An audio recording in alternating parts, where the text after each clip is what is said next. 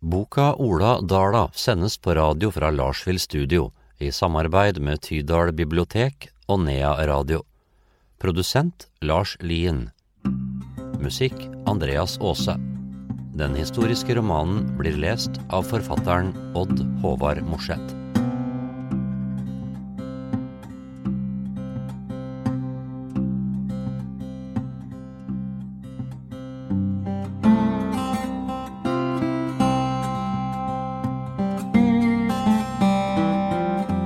Kapittel 14 Vinteren 1823-24 Snøvinteren Snøfallet startet tidlig i desember. Det hadde begynt med vindkast fra vest og mildvær. Regn slo inn over bakkene ned mot sjøen. Tunet ble fort forandret. Høyrester, flis, spon, møkk og lort løste seg opp i snøslaps og vann. Det dannet seg gule og brune dammer på det isete tunet. Fjøsene var ferdigbygget, dyrene hadde fått sine plasser for vinteren. Nå gjorde Håkan og Peder ferdig benker og kroker for oppheng ute i fjøssvala. Mot kvelden satte de inn dør til Svala. Som alle andre ytterdører på gården slo denne også innover. Arbeidet var gjort. Det luktet surt av våte arbeidsklær inne i stua om kvelden. Regnet gikk over til sludd. Ved sengetid danset det store snøflak rundt veggene. Dagen etter våknet de til snø og vind. De kavet med høy mellom fjøsen og stallen i grålysninga. Utover dagen murte snøen seg opp ved husveggene, og vinden laget en stor, bred skavl gjennom tunet. Slik fortsatte det utover i desember. Husene i dalen forsvant i all snøen. Det skulle bli den verste snøvinteren i manns minne. Ukene før jul var folket i Stuggedalen isolert fra omverdenen.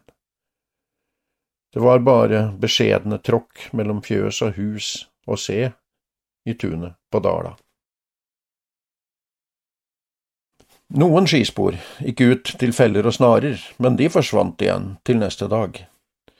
Peder og Håkan hadde ventet for lenge med å ta fatt på hjemturen til Elvdalen det var uforsvarlig å legge til over fjellet i djupsnøen i de få timene vinterlyset varte.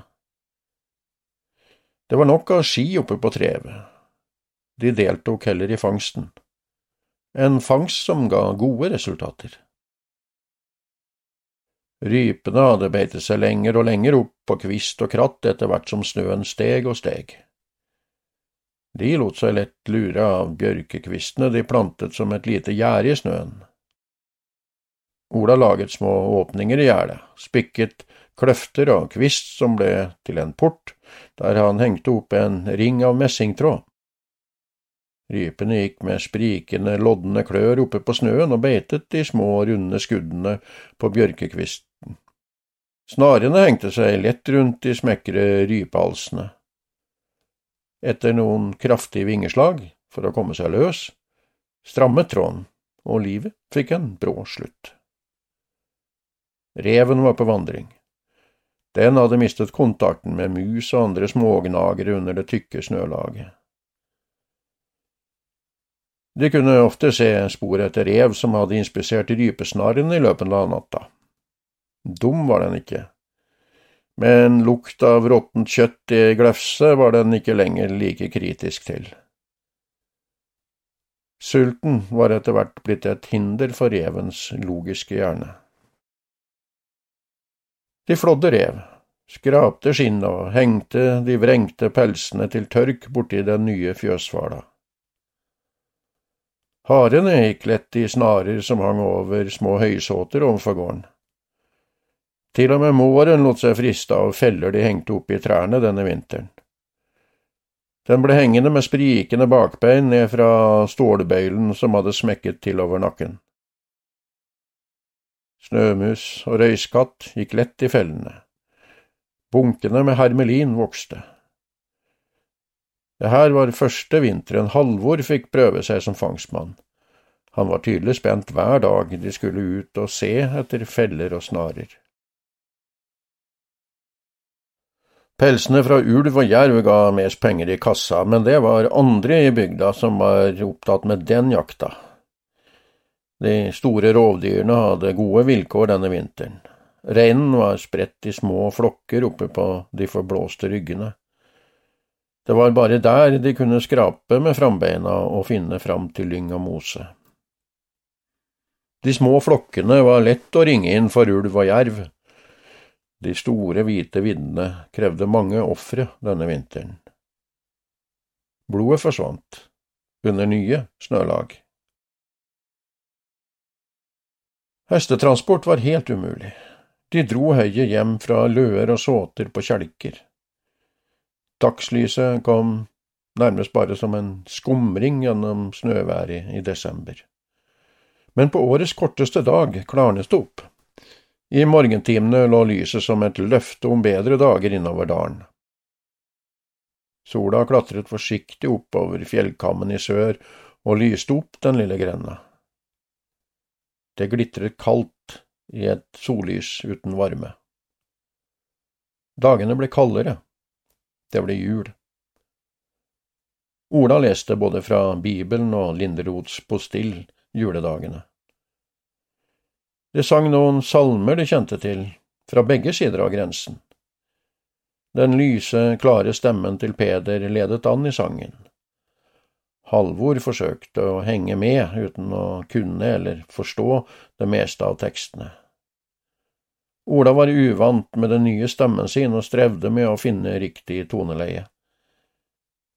Det hadde ikke vært mye sang innenfor de her veggene de siste årene.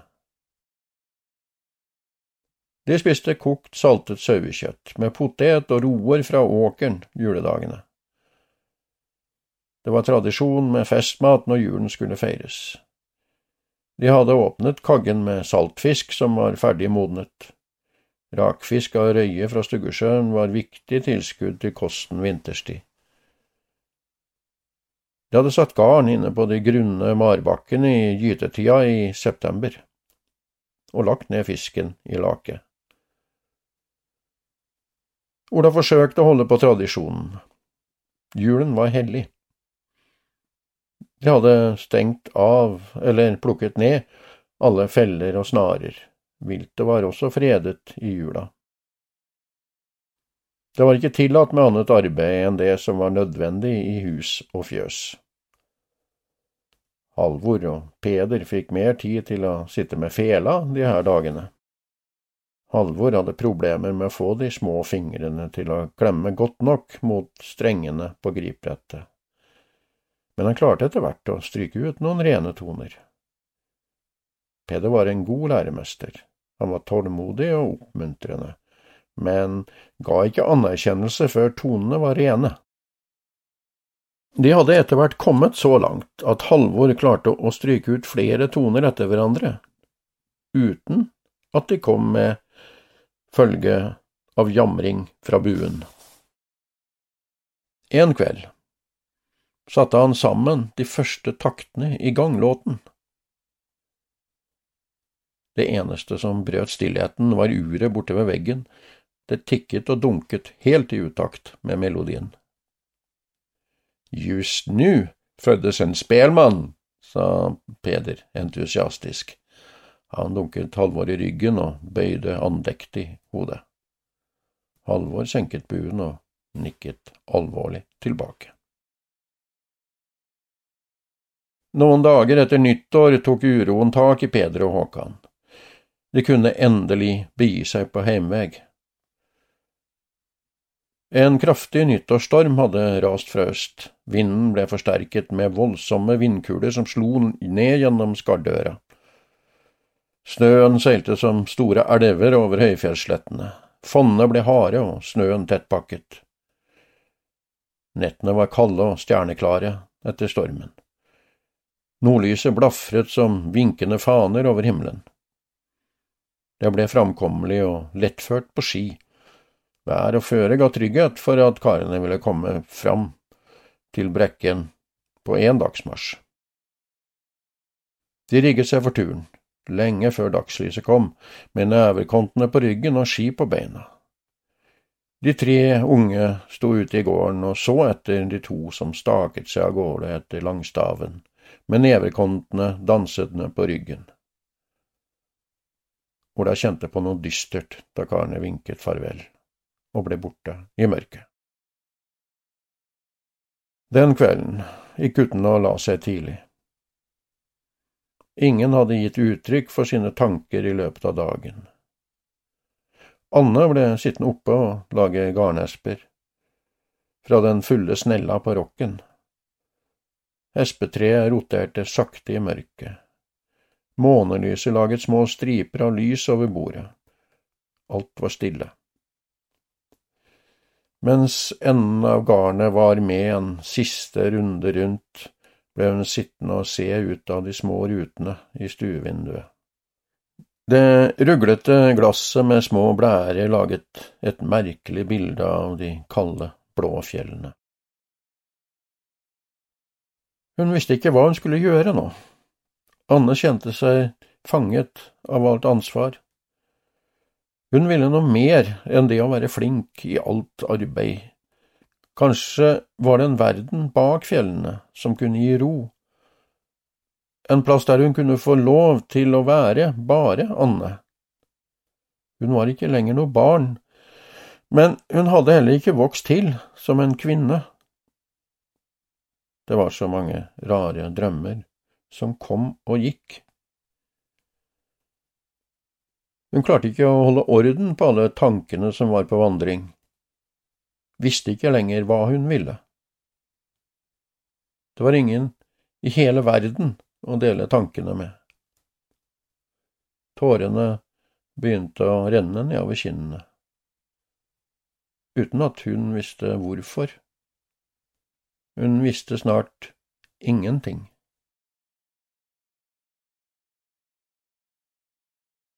En ettermiddag, helt på tampen av januar, kom Lars og Maren kjørende over isen.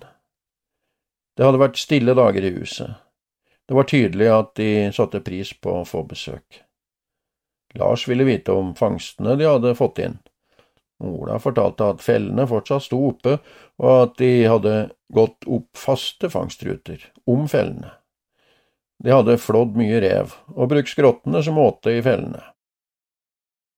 Det er godt over 200 ryper i løa, sa Ola og så fornøyd ut.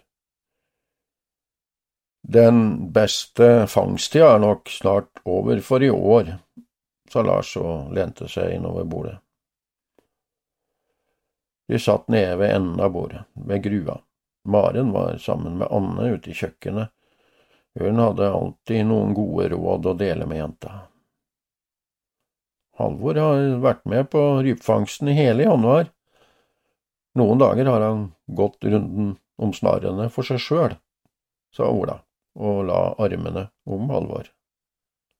Bra gutt, sa Lars og kakket pipa mot kanten av grua. Vi må få levert snart nå. Det er gode fangster rundt omkring. Det er fare for at prisene går ned etter hvert, oppkjøperne er snare til å fange opp slikt. Lars så utfordrende på Ola. Men Ola ventet på en forklaring. Vi kan samkjøre leveransene, så har vi et skikkelig lass å kjøre med. Vi trenger forsyninger borte på Stuggevollen. Marit har reist ned til Utbakaren ned på Hyttmoen, og Ole ble med til gruven i Meråker etter at de stengte skjerpene ved Esna i øst. Nå trenger vi ha Henrik på gården. Ola så ved bordet, på gamlingen på Stuggevollen som satt og tygde på barten. Han var usikker på hva Lars var ute etter. Det er ingen som har kjørt over fjellet til Røros så langt i vinter, sa Ola. Nei, tenkte nå mest på den andre retningen. Bøndene i Gressli har begynt å kjøre heim for, fra innerst i Nedalen. De har trugekjørt innover etter lass. Flere gårder. Maren kom med nykokt kaffe, ferskt brød fra Takka. Halvor og Anne drakk kaffe med varm mjølk. De rev biter av det ferske brødet. Lars dyppet brødbiter i kaffen og smattet det i seg. Det var snart slutt på alt mjøl i oppgaren. Det hang noen ringer med gammelt brød på stang ute i løa. Ola hadde ikke planlagt for så mange i kosten for vinteren. Det hadde gått med dugelige rasjoner med mat til arbeidsfolk i skogen og på fjøsbygging. Dere mangler bakstemjøl og havre, hører jeg, sa Maren. Snart er det slutt på rugmjøl til grøten, skjøt han inn. Maren la handa på skulderen til Ola og strøk nedover armen hans. Det er godt gjort at det har holdt så lenge. Vi har litt bygg og noe havre dere kan få, men så er det tomt hos oss også. Henrik har begynt å kjøre høy ned fra Nedalsøyene.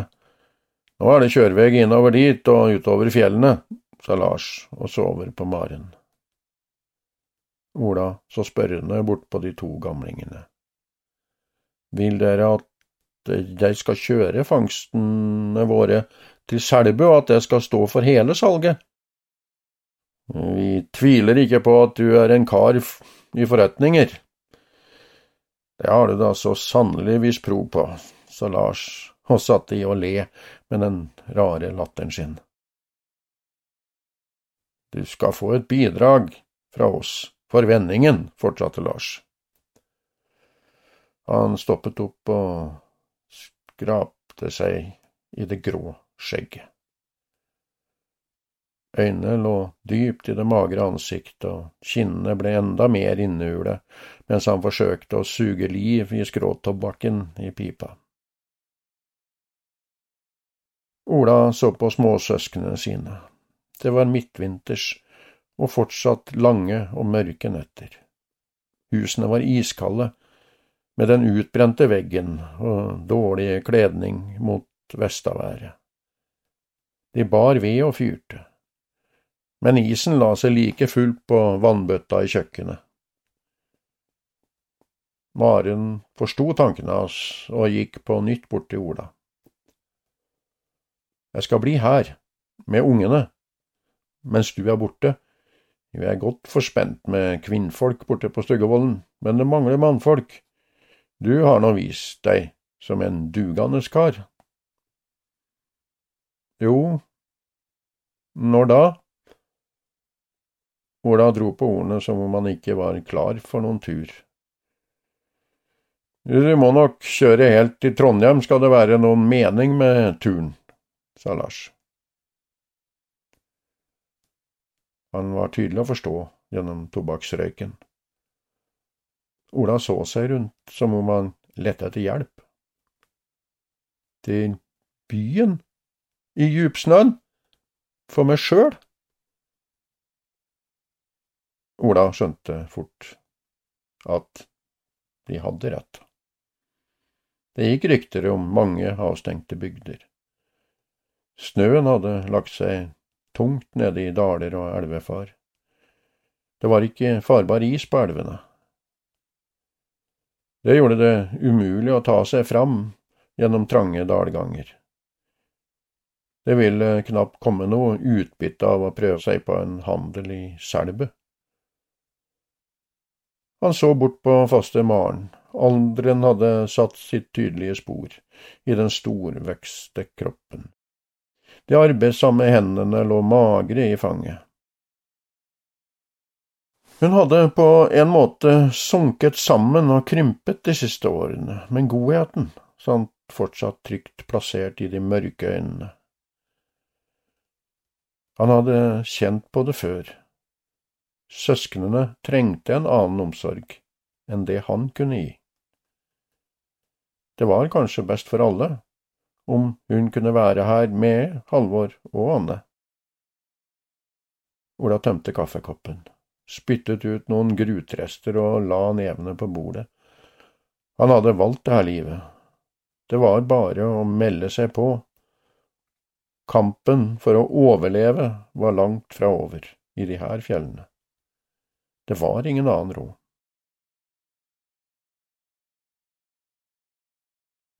Da han la seg om kvelden, ble han liggende og se opp i de grå takåsene som svevde inne i mørket. Far Peder hadde kjørt mange turer med varer. Noe av det siste han hadde sagt til Ola, var at handel og varetransport var noe for framtida her på gården. Som oftest gikk turen nedover dalen til Selbu. Varene leverte han og hentet ut på brygga ved Selbusjøen. Det var livlig handel i Putten. Bøndene fraktet kvernsteiner fra bruddet inne i fjellet og utover isen på sjøen. De hadde alltid med handelsvarer på lasset tilbake over isen. Far hadde snakket om kvernsteiner som ble rodd utover den store sjøen sommerstid, helt til Brøttem i Klæbu. Det var to rorkarer i de åpne Stamnesbåtene, som hadde plass til en stor kvernstein mellom toftene. Ola hadde noen ganger fått lov til å være med far på frakt til og fra Selbu. Da satt han ofte med ryggen til kjøreretning bakerst på sleden og dinglet med beina. Han var alltid klar for neste ordre fra far, oppe på benken bak hesterumpa. Hopp tå! Når far hadde ropt, landet gutteleggene lydig nede i kjøresporet. Det hjalp ikke at han var liten og mager guttunge. Hesten skulle slippe vekta i alle kneiker og motbakker. Far satt like stødig og bredbeint på benken, mens Ola sprang bakom. På elvisen nedover fra Flora og framover mot bygdene i Selbu gikk sleden lett, og hesten la over i trav. Da fikk han pakke seg inn og sitte ved siden av far på benken. Nå var det han som satt med tømmene. Anne og Halvor sov under den store åklefellen i skuffsenga borte ved pipa. Historien om far og sønn, Abraham og Isak, dukket opp i tankene.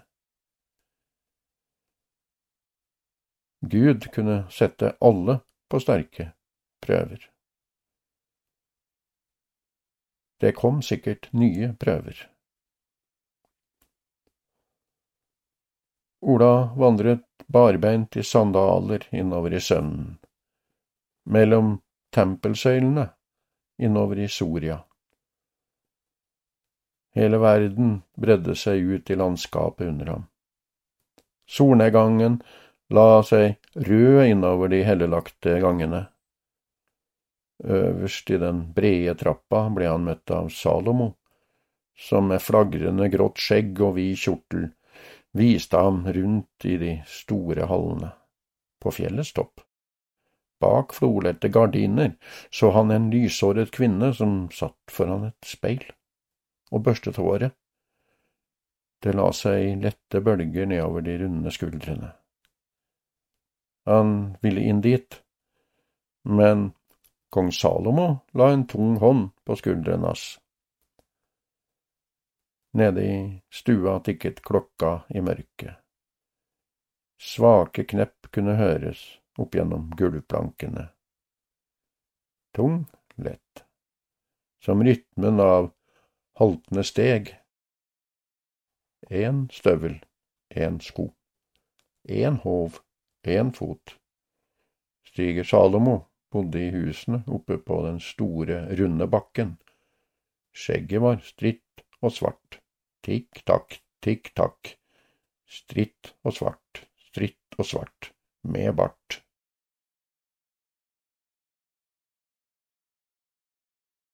Skottgården, fredag 18. april 1862. Ola stopper opp midt i vindkastene ute i tunet. Plutselig slår det ned som et svepeslag gjennom snøkastene. Hva er det han har begitt seg ut på? Ung og standhaftig hadde han bare sett én vei da mor og far døde, og fortsatt samme vei da gården brant ned. Han skulle ha snudd. Han skulle ha fått seg utdanning. Hva var det far hadde sagt for mange år siden? Ordene dukket opp fra et bortgjemt lager i hukommelsen. Ordene i skumringen der de satt i sleden over mot Aursunden på vei til skole i Røros. Det er slik du forstår når du har levd en stund. Det er først når du har lært opp hesten at den begynner å lære deg. Det er bedre å snakke med hesten enn til hesten. Det er da du utnytter alle krefter og all kunnskap som er i en slik kropp. Det var nå slik far hadde sagt. Nå kom ordene som et ekko. Var det ønske om kunnskap og utdanning han hadde snakket om? En utdanning far aldri hadde fått, men at han skulle ta. At han skulle komme hjem og dele på kunnskapen, for at de andre skulle lytte og lære. Nå er det kanskje hans tur til å lytte og lære av den kunnskapen de yngre har. Per og Kari har kunnskap han snart måtte lytte til. Det er kanskje kommet dit at han må slippe opp på grepet, være åpen for endringer, som de unge ønsker. Det er kanskje på tide å innse at det er mer krefter hos de unge det er ikke lenger tvil om at kreftene hans har begynt å svikte. Fingrene ligger mer og mer på kråketær, stive og vonde er de. Det har blitt verre og verre å få hendene til å lystre i kaldt og vått vær. Det kommer nok en dag da det er på tide å lytte, men forsto de seg på økonomi? De får alt til å høres så enkelt ut. Det er knapt noen framtid for noen oppe på de snaue, kalde viddene. Skogen er uthogd. Somrene er blitt kaldere. Kanskje gjør de det eneste riktig, de som pakker i kister og kofferter og reiser. De som har råd, kjøper seg billetter til seilskuten og reiser til Amerika. Det er uansett hans skyld at neste generasjon fortsetter i hans fotspor. Det er vondt å tenke på at han har satt sin egen sønn ut i samme uføre. Leilendinger uten fast eiendom har små muligheter til pantelån og hjelp fra det nye bankvesenet. Tvilen hvisker i ørene, der den farer forbi med vinden. Jernnettene har kommet oftere de siste årene. Frost har svidd av potetåkeren seine augustnetter. Andre år har frost og snø i september ødelagt kornavlingene. De nye kjerreveiene har endret på transport og ferdsel. Snart er det ikke mulig å tjene penger på sledetransporter gjennom fjellet. Det er bare å innse at det kommer nye tider, og de kommer fort. Snart kommer jernbanen som en ny livsnerve gjennom dalene. Dampmotorene er på vei inn overalt hest på truger i djup snø, er langsom og krevende transport. Ola har forstått at han snart er siste mann med lange transporter i en slede. De må gå nye veier på Dala, om det skal være noen framtid. Ola har sett de nye kravene komme, men han har ikke sett etter nye muligheter. Eller kanskje er det enda verre, han har ikke villet se. Det mest innlysende av alt er at alle endringer som letter på slitet, er til det gode. Det er bare det at den nye tida ikke er noe for ham. Det er ikke hans framtid. Han har sett de store, frodige gårdene som ligger ved den brede Trondheimsfjorden Der kan jord og skog skaffe utkomme til en hel familie og skape trygghet for de neste generasjonene. Der kan de enkelt møte endringer og nye krav i tilværelsen. Den arven han kan gi til neste generasjon, er ikke annet enn slit. Det eneste han kan love, er en kamp med frost og vind, snø og regn, for å overleve. Et slit der den ene dagen eter opp den andre, år for år. Ola bøyer av for vær og går tilbake til stallen, til hestene. Han begynner å mumle halvhøyt så høyt at hestene spisser ører. Sannheten, den virkelige sannheten, er at jeg ikke engang har åpnet opp for min egen sønn. Jeg har stengt alle ute. Per har aldri fått noe valg. Ikke slik jeg fikk gjennom min far. Per fikk aldri mer skolegang enn det omgangsskolen kunne gi. Jeg har aldri hatt tid til å sitte borte ved bordet sammen med ungene, med lesning og forklaring. Jeg har aldri satt meg ned sammen med dem, med pennesplitt og blekk. Nei, ikke med en grafittblyant engang. Når har jeg i det hele tatt gitt tid til mine egne barn? Det har vært en ensom kamp å kjempe. Netter og dager borte fra alle.